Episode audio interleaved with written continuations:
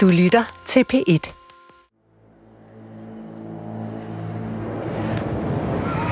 Oh my god. En selvmordsterrorist tog mindst 22 mennesker med sig i døden, da han udløste sin bombe. En nytårsfest på en eksklusiv natklub i den tyrkiske storby. Det er det billede af den varevogn, der i dag har kostet mindst... Terrororganisationen Islamisk Stat har taget ansvaret for terrorhandlingerne i Bruxelles.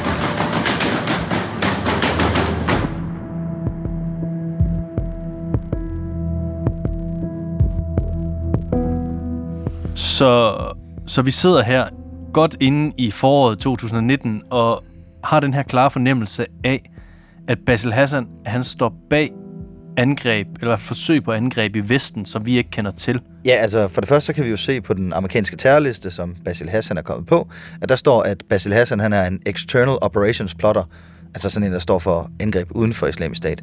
Men de skriver jo ikke, hvilke angreb det er. Ja, og, og Leila Tarlo, hun fortæller jo også, at i lejligheden i Raqqa, der overhører hun ham tale om planlægning af, af angreb i Europa. Og en række andre kilder nævner det over for os. Men der er bare ikke nogen af dem, der er konkrete. Nej, og hver eneste gang vi prøver at finde ud af, hvilke angreb det kunne være, øh, og hver eneste gang vi tror, vi er ved at have et gennembrud på det her, så støder vi panden mod muren. Vi kan ligesom ikke dokumentere det, vi hører. For når vi hører noget et sted fra, så skal vi jo som journalister have det bekræftet fra flere kilder. Vi skal jo kunne dokumentere det, som vi får at vide. Så vi kan som sagt ikke få de her informationer bekræftet, og vi er faktisk ret tæt på at give op i forhold til at finde ud af, hvad det er, man mener, han står bag. Men så her et par måneder inde i 2019, der begynder vi at høre noget. Og det, der er overraskende, det er, at det er meget konkret, helt fra start af, det vi hører. Og sådan er det ellers sjældent med sådan noget her. Så med et, så får vi et meget tydeligt og veldokumenteret indblik i, hvilke planer de danske efterretningstjenester og udenlandske myndigheder mener, at Basil Hassan han står bag.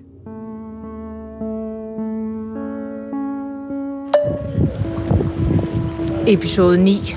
Bomben i kødhakkeren.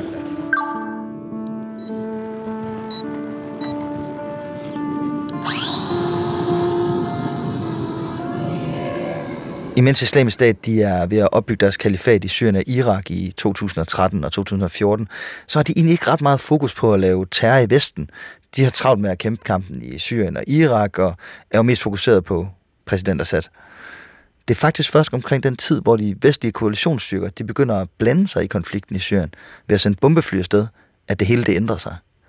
For imens koalitionen den rykker ind og bomber islamisk stat i Syrien og Irak, så begynder terrorangrebene i Vesten. Politiet i Belgien leder på højtryk efter den mand, der i går myrdede fire foran det jødiske museum i Bruxelles. Det første angreb det er i et jødisk museum i Belgien. Her går en mand i maj 2014 ind på det her museum i Bruxelles og skyder omkring sig.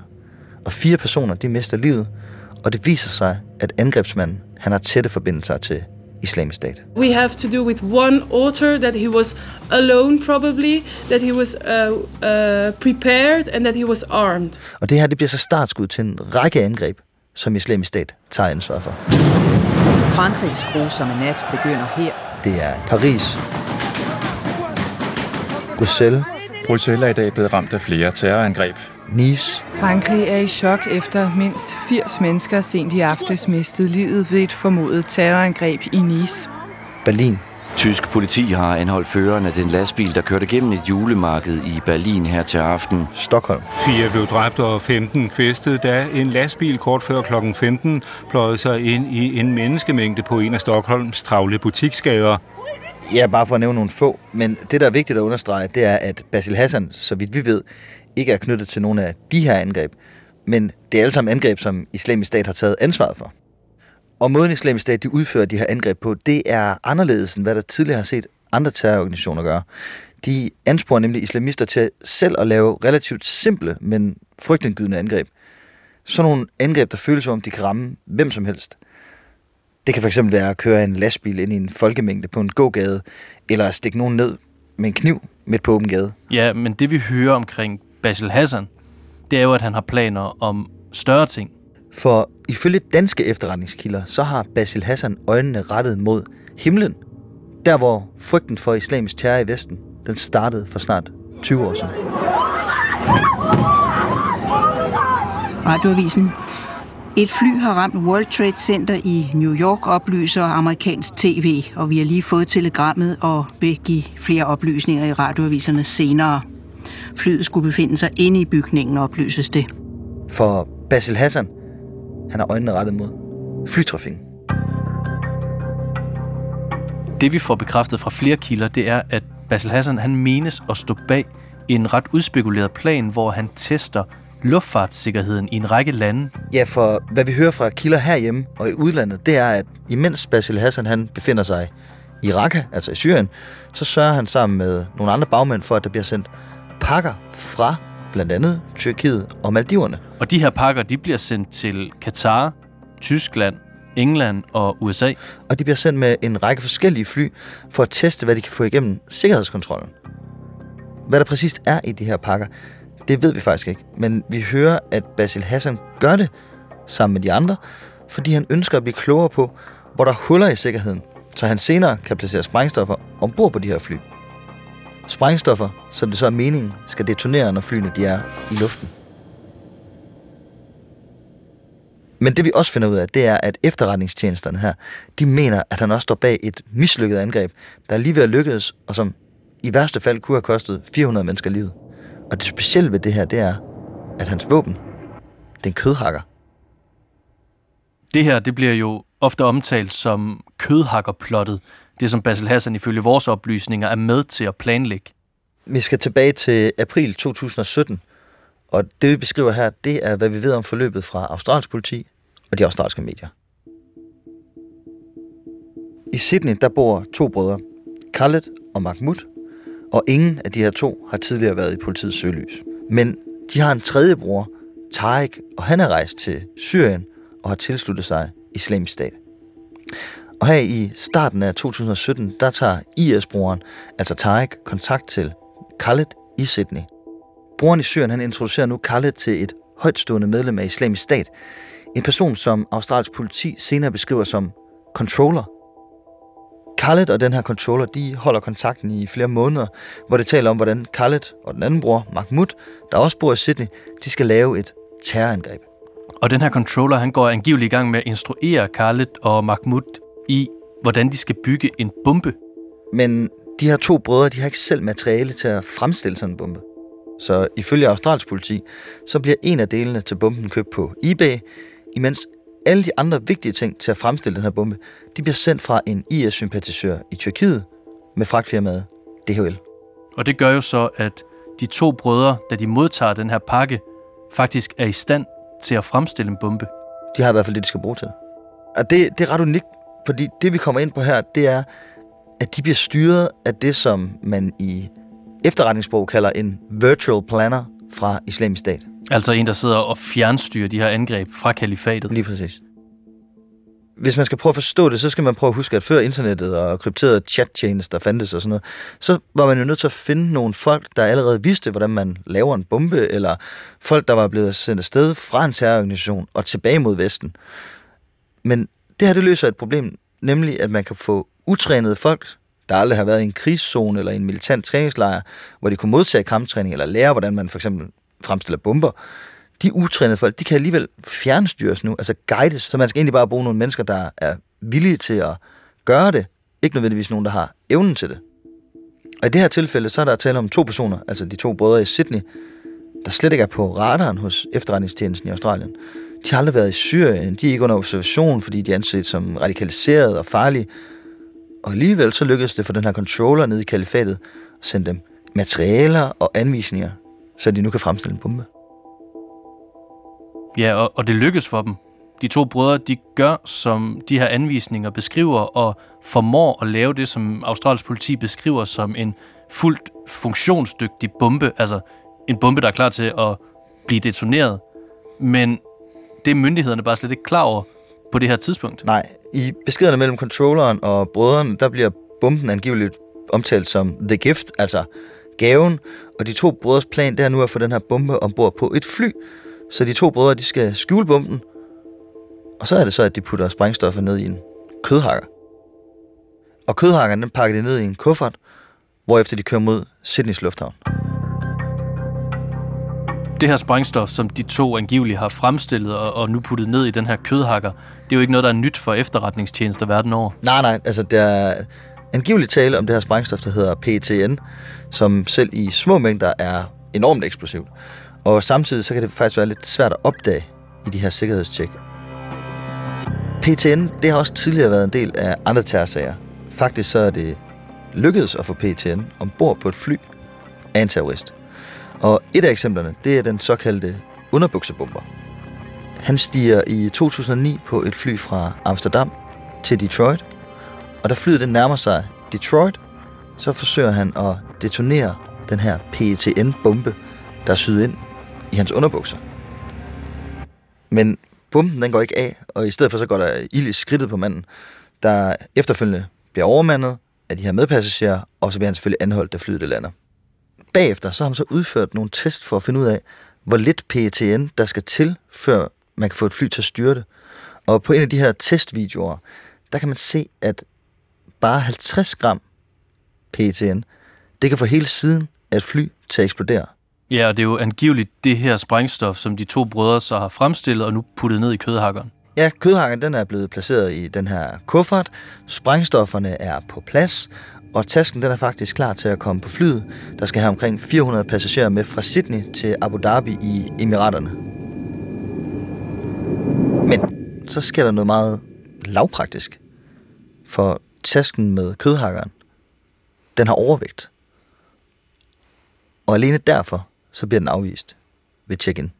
Ifølge nyhedsdækningen i Australien, så er det jo udelukkende overvægten på den her taske, der gør, at den ikke kommer ombord på flyet. Ja, og vi taler faktisk også med en dansk efterretningskilde, der siger, at man anser det som heldigt, at den her taske den havde overvægt. For ellers så er den med al sandsynlighed kommet med ombord.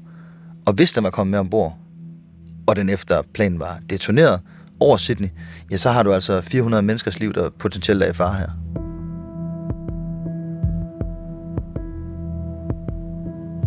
Da tasken så bliver afvist på grund af overvægten, så tager Khaled, altså den ene bror, den med tilbage til sit hjem, hvor han vil desarmere bomben. Altså sørge for, at den ikke kan springe i luften. Og så tager de to brødre igen kontakt til deres controller nede i Islamisk Stat, og så instruerer han dem i at lave et andet angreb i stedet for. Ja, og den her gang, der er det ikke en bombe, de skal lave. Den her gang, der er det et giftgasangreb. Ja, hvis man skal tro de australske medier og de australske myndigheder, så beder controlleren nu de her to brødre om at lave et angreb med en farlig gas. Det skal være gassen svovlbrinte, og controlleren han instruerer dem i at bygge et device, altså et eller andet aggregat, som de skal bruge til angrebet.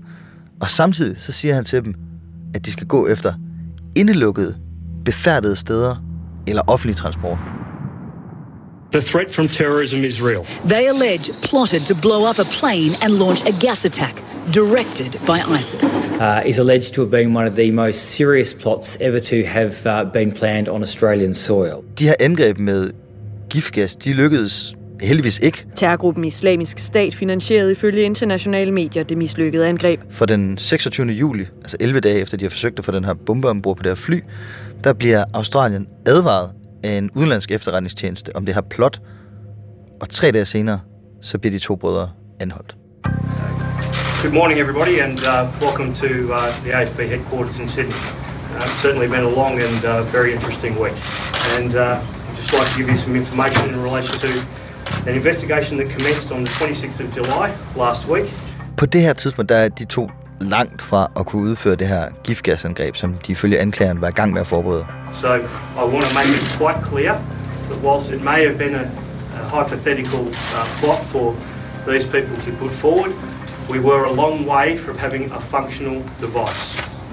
Men de to brødre bliver alligevel sigtet både for giftgasangrebet og så for at ville springe det her fly med 400 mennesker i luften. The investigation was in relation to an allegation that an Australian-based individual was planning to undertake preparations for an attack against Australian aviation targets. Og politiet fortæller jo allerede på en af de første pressekonferencer, at de her to brødre, de er blevet styret af personer nede fra islamisk stat. One of the two people that have been charged was put in contact with ISIL controller, for want of a better word. Um, I, I won't go into details of who the person is, but uh, no, they're not Australian. Og lige nu, her i april 2019, der kører retssagen mod de to brødre i Australien, hvor de står anklaget for at ville sprænge flyet til Abu Dhabi i luften og for at ville udføre et giftgasangreb. Og her nægter de to brødre sig skyldige. Ja, og det vi så får bekræftet om alt det her, det er, at Basil Hassan, han er en af bagmændene i planlægningen af de her angreb. Det er ham, der er med til at sørge for at få sendt pakken og bombeinstruktionerne afsted til de her to brødre i Australien. Det er ham, der er med til at planlægge det her angreb, der bringer 400 menneskers liv i fare.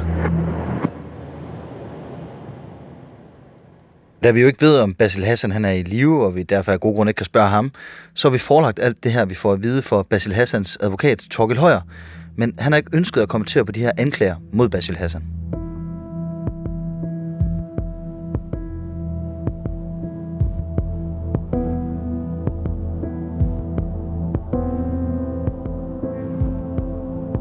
Men der, der er en ting, der kan være lidt svært at forstå. Altså, hvorfor er det, at man så gerne vil angribe fly og flytrafikken, når nu der er så mange andre mål, der er meget nemmere at ramme, hvor der ikke er en sikkerhedskontrol imellem dig og det mål, du gerne vil ramme? Ja, men det kan også være virkelig mærkeligt, at man gider alt det her besvær for at få en bombe ombord på et fly. Men her skal man nok forstå den kæmpestore impact, som det vil have, hvis det rent faktisk lykkedes. Altså, det vil jo have en kæmpe indflydelse. Fordi siden angrebet på World Trade Center i 2001, der har man jo investeret milliarder og atter milliarder i at forbedre sikkerheden i lufthavnene. Man ved det selv, når man er derude. Du af med skoene, væk med vandet. Der er jo ingen grænser for, hvad man skal. Og netop derfor så vil det jo være en kæmpe succes, altså set med terrororganisationens øjne, at lykkes med et angreb på et fly.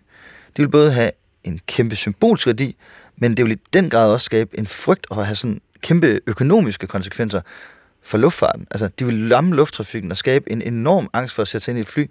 For hvis det lykkedes at få en bombe forbi sikkerhedskontrollen i de her steder, ja, så vil folk jo være bange for, at det kan ske en gang til. Så det her forsøg på et angreb mod flytrafikken i Australien, altså et af de forsøg på terror, som man mener, at Basil Hassan han står bag. Ja, det her angreb, det har i hvert fald fået bekræftet fra en række kilder, at de opfatter det som om, at Basil Hassan han er en af bagmændene til. Men vi har også en klar fornemmelse af, at det her, det er ikke det eneste. Og det er jo så her, at vi finder ud af endnu en ting, som myndighederne frygter, at Basil Hassan var i gang med at planlægge. Og den her gang, der skal vi til Danmark. Ja, for selvom Basil Hassan han sidder inde i hjertet af kalifatet, så har han måske ikke glemt, hvor han er vokset op. Og det er vigtigt at sige, at det vi fortæller nu omkring Danmark, det er ikke noget, der er lige ved at ske, i modsætning til de her angrebsforsøg i Australien. Men det er noget, som danske myndigheder på et tidspunkt frygter er ved at blive planlagt. Og det vi får bekræftet fra en række kilder, det er, at de danske myndigheder på et tidspunkt bliver bekymret for, at Basil Hassan han er ved at planlægge et angreb på dansk jord. Det bliver de, fordi de opdager noget, der ligner en brainstorm, kan man sige, over hvor man kunne angribe Danmark og hvordan. Det, der sker, det er, at myndighederne får kendskab til nogle billeder, hvor der indgår en Christiania-cykel og en trappenedgang. Ja, og den her trappenedgang, den ligner jo nedgangen til Nørreport station, altså det her trafikknudepunkt i Danmark, hvor man jo i årvis har været bekymret for, at der skulle komme et terrorangreb. Ja, det er i hvert fald det, de frygter, at det er. Øh, så de her billeder, de gør, at myndighederne, de frygter, at Basil Hassan, han kan være i gang med at planlægge et angreb mod Nørreport station, eller et lignende sted i Danmark. Heldigvis sker der jo ikke noget på Nørreport, så man må formode, at det blev ved den her form for brainstorm, som danske myndigheder på et tidspunkt opsnapper. Nej, der sker ikke noget, men det her det siger noget om, hvor meget efterretningstjenesterne i Danmark de frygter den her trussel fra Basil Hassan og hele hans netværk. De her ting har vi selvfølgelig også forelagt for Basil Hassans advokat Torkel Højer, men heller ikke det her har han ønsket at kommentere på.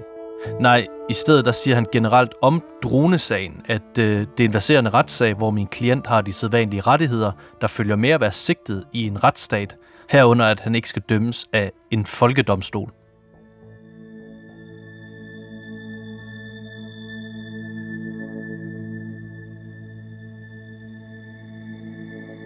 Så slutter det hele her? Nej, jeg vil nok mere sige, at det langt hen ad vejen starter her. Altså i hvert fald i forhold til at lære endnu mere om det her formodede dronenetværk, og hvordan Basil Hassan han ifølge politiet har fået de her personer i Danmark til at hjælpe sig med at opbygge islamisk stats drone her. Hvorfor? Lige nu der er taxichaufføren, underviseren, cykelhandleren, bilvaskeren og Basil Hassan jo sigtet i sagen. Og efter hvad vi hører, så kommer retssagen mod det her formodede dronenetværk til at køre i efteråret, hvis de ender med at blive tiltalt. For eksempel så kan bilvaskeren jo kun blive tiltalt, hvis han bliver udleveret til Danmark. Han kan ikke blive tiltalt, når han går rundt på fri fod i Tyrkiet. Og samtidig så nægter de sig alle sammen skyldige i de her sigtelser imod dem. Men hvad er det så, man kan forvente, der kommer frem i sådan en retssag her? Jamen, så skal politiet og dermed anklagemyndigheden jo vise sin hånd. De skal fremlægge al den her dokumentation for de her dronekøb, som de mener, der er blevet foretaget.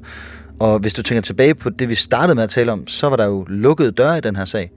Og derfor så har offentligheden været afskåret fra at se alt, hvad anklagemyndigheden har af dokumentation i den her sag. Hvorfor mener de, at de har gjort det? Hvilken kontakt har de haft til hinanden? Øh, og hvad der er blevet fundet ved forskellige rensagninger? Det kommer vi jo til at se nu. Og så vil der også komme alle mulige vidner, vi måske ikke ved noget om. Øh, vi har jo mødt Toga og Frederik fra dronebutikken og Anne fra A-kassen. Men der kan jo godt være flere. Så vi får jo hele anklagemyndighedens bevisførelse, hvor vi kan se de her meget konkrete ting. Og ikke mindst, så får vi måske alle de sigtedes forklaringer på, hvorfor de mener, at de er uskyldige i det her. Vi får deres forklaringer på, om de har købt de her ting, de er sigtet for at købe, og i så fald, hvis de har købt dem, har de så vidst, at de angiveligt er blevet brugt til terror, eller har de været uvidende om, hvad det, de i så fald købte, er blevet brugt til. Det er jo ikke sikkert, at bare fordi man har købt noget droneudstyr, at så har de været vidne om, hvad det kunne bruges til. Det er jo op til anklagemyndigheden at bevise. På mange måder, så det her det er jo kun første skridt. Altså, det er rigtig interessante.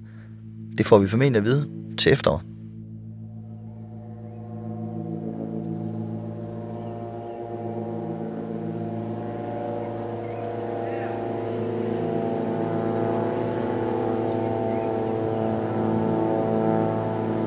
Alle sigtede i sagen nægter sig skyldige. Vi har forelagt alle anklager for de sigtedes forsvarsadvokater, der ikke ønsker at kommentere de her konkrete anklagepunkter. De henviser til, at de ikke kan kommentere på dem, da sagen kører for lukkede døre, og der er nedlagt navneforbud i sagen. Forsvarerne understreger, at de sigtede endnu ikke er tiltalt i sagen, og at sagen den skal afgøres i retten.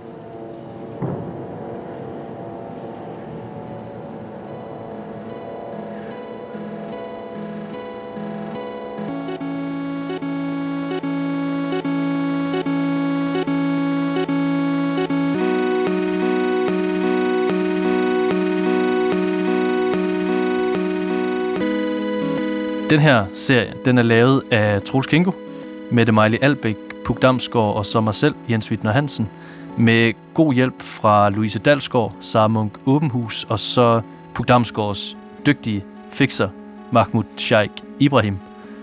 Lyddesignet og montagen på den her serie, det er lavet af sine Mandsdotter, og redaktør for det hele er Jesper Hyne. Og alt det her, det er en produktion fra P1 Dokumentar. Ja, og hvis du ikke ved, hvad du skal fortsætte med at lytte til nu, så vil jeg gerne anbefale Det Perfekte Offer 2, som vores dygtige kollega Emilio Sebius har lavet. Den handler om, hvordan en kvinde oplever, at hun bliver udnyttet af den psykolog, der egentlig skulle passe på hende. Tak fordi du lyttede med.